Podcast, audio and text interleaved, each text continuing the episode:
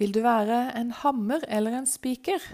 I den betydning vil du være den pådrivende kraft eller den passive. Det er tema i dagens lille podkast. Du lytter til podkasten Våg med journalist, coach og forfatter Tone Dalhaug. Her får du historier og undervisning som bygger troen, motet, kallet og drømmen din.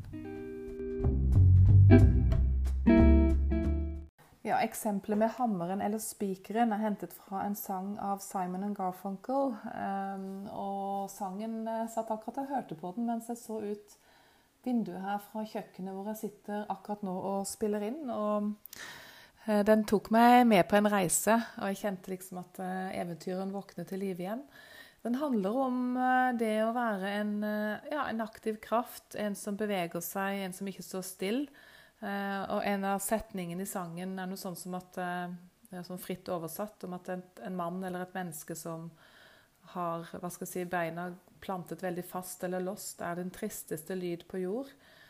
Uh, så sammenligner de liksom at de vil heller være en spurv som flyr, enn en snegle. Og, og sangen har assosiasjoner til Eller tittelen har assosiasjoner til kondoren, den store rovfuglen som flyr eh, av gårde.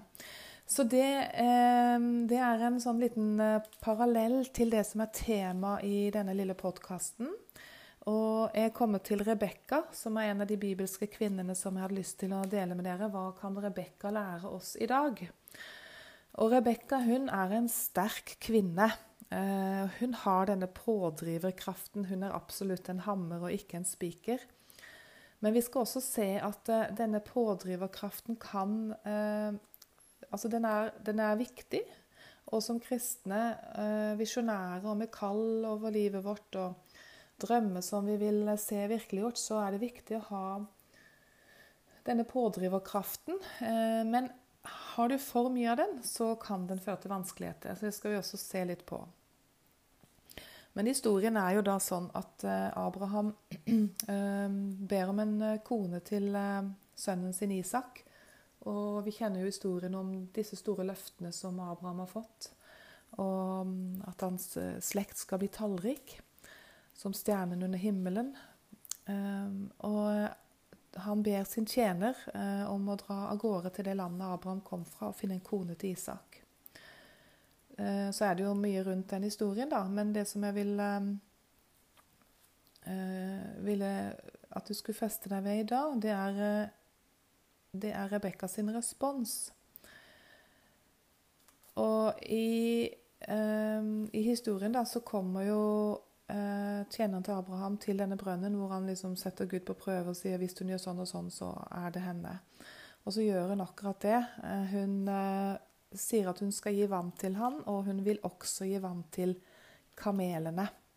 Eh, og det er liksom et av tegna. Og jeg skal bare legge merke til en liten ting også der. Når hun sier det, skal vi se det står i første Mosebok kapittel 24, da, den historien, og i vers 20 så står det eh, da svarte hun, 'Drikk, min herre.' Straks tok hun krukken sin ned i hånden og ga ham å drikke. Da hun var ferdig med å gi ham å drikke, sa hun, jeg vil også hente vann til kamelene dine, helt til de har fått nok til å slukke tørsten. Og så står det at hun skyndte seg av gårde og sprang. Det hadde hun jo ikke behøvd. Og Det er også noe han som utdyper eh, i denne eh, bibel, studentbibelen, hvor det er utdyping av en rekke personer. Eh, han utdyper også det med Rebekka, at hun har et veldig initiativ. altså Hun går ikke, hun skynder seg. Hun springer til og med. Og når eh, foreldrene og familien har fått høre denne historien da, om Abrahams tjener som eh, drar ut for å finne kone til Isak, så syns de det virker eh, guddommelig, de også. Eh, men de sier at eh, eh, Skal vi se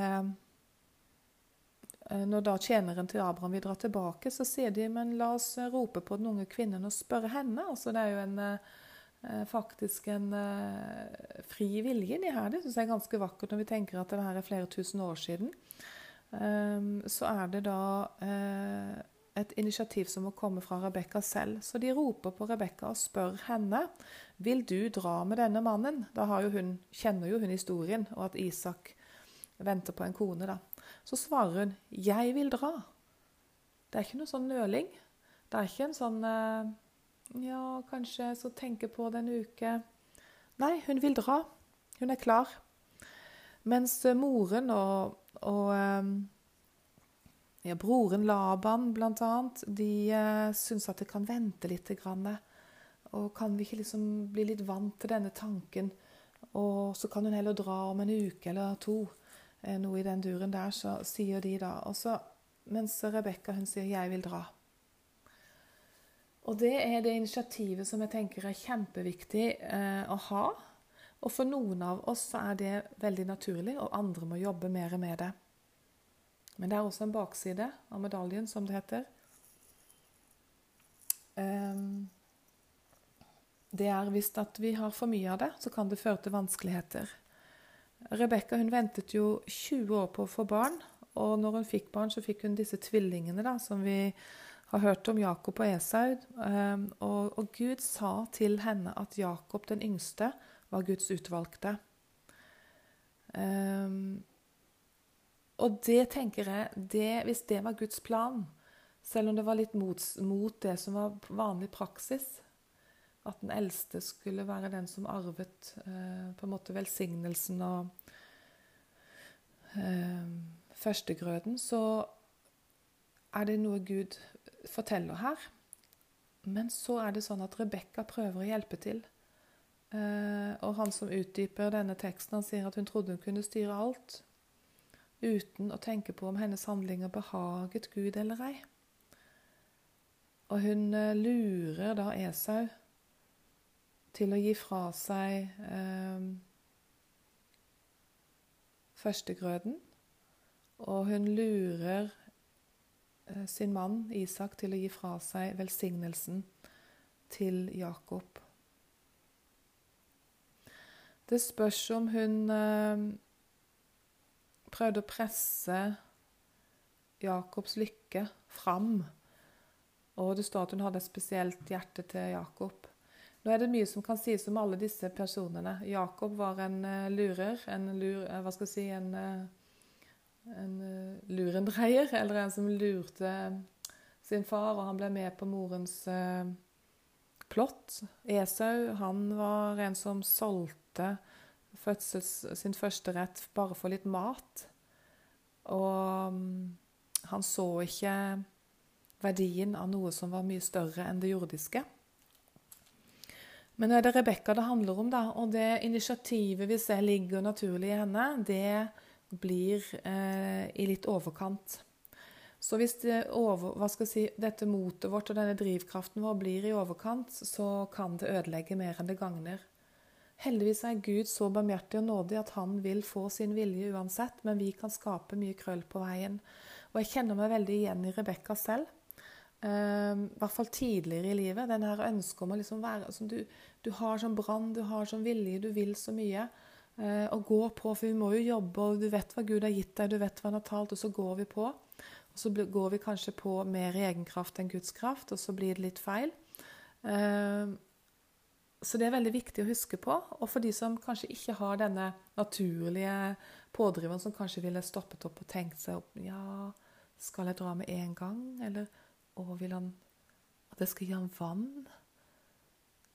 Kanskje jeg skal gi kamelen overvann, men hva tror du, Blir det litt for mye? Ikke sant? Vi er ulike personlighetstyper. Den personen må kanskje jobbe med, med å handle når Gud sier gå, men har den naturlige skepsisen og forsiktigheten med seg. Mens den som er som Rebekka, denne, denne sterke, eh, full av pådrivskraft, må lære seg å stoppe opp og tenke litt mer etter. Og det eh, skulle nok Rebekka gjort. Så hvis Rebekka hadde stått på scenen i dag og talt til oss kvinner i dag, så tenker jeg hun hadde sagt det. Og jeg hadde dette initiativet, jeg ville så gjerne, og jeg skjønte at det var Gud. Og jeg sa ja, jeg var klar til å gå, og jeg dro. Men eh, når jeg skjønte hva Gud ville, så begynte jeg å hjelpe Gud, og jeg prøvde å ordne opp. og jeg gjorde ting som ikke var eh, som Gud hadde behag i. Og det oppmuntrer jeg dere kvinner til å gjøre. Lytt til Gud. Ta en pause. Vent. Ikke bare rushe på. Men når Gud sier 'Er du klar til å dra?', så drar du. Så det er min eh, lille oppmuntring i denne lille podkasten om å ja, være lyttende. Være der at du kan gå når Gud sier gå, men at du også kan eh, stoppe opp og lytte, slik at ikke du forkludrer Guds planer og roter det til. Jeg tenker på det bildet med denne hammeren og, og um, spikeren som Simon og Garfunkel synger om. Altså Spikeren den lar seg bare føre av hammeren, mens hammeren er en som pådriver og vet hva den vil. Men hvis, og hvis du slår forsiktig, du er pådriveren, du slår akkurat passelig, og når, når spikeren er nede, så ligger den flatt, fint i treverket. Men hvis du durer på og tar litt for mye initiativ og durer på og slår og slår og slår, så slår du du har kanskje prøvd det, så slår du hold eller hull eller marker i treverket. Så du slår ikke bare nailen, eh, the nail, tenker jeg engelsk her. Du, du slår ikke bare spikeren ned, men du slår sår i det som ligger rundt i treverket. Og det er kanskje også et sånn talende bilde da på hvis vi blir for mye. Så takker jeg for din respons, at du brukte tiden på å lytte. Så ønsker jeg deg en fin, fin dag videre. Du lytter til podkasten Våg med journalist, coach og forfatter Tone Dalhaug. Her får du historier og undervisning som bygger troen, motet, kallet og drømmen din.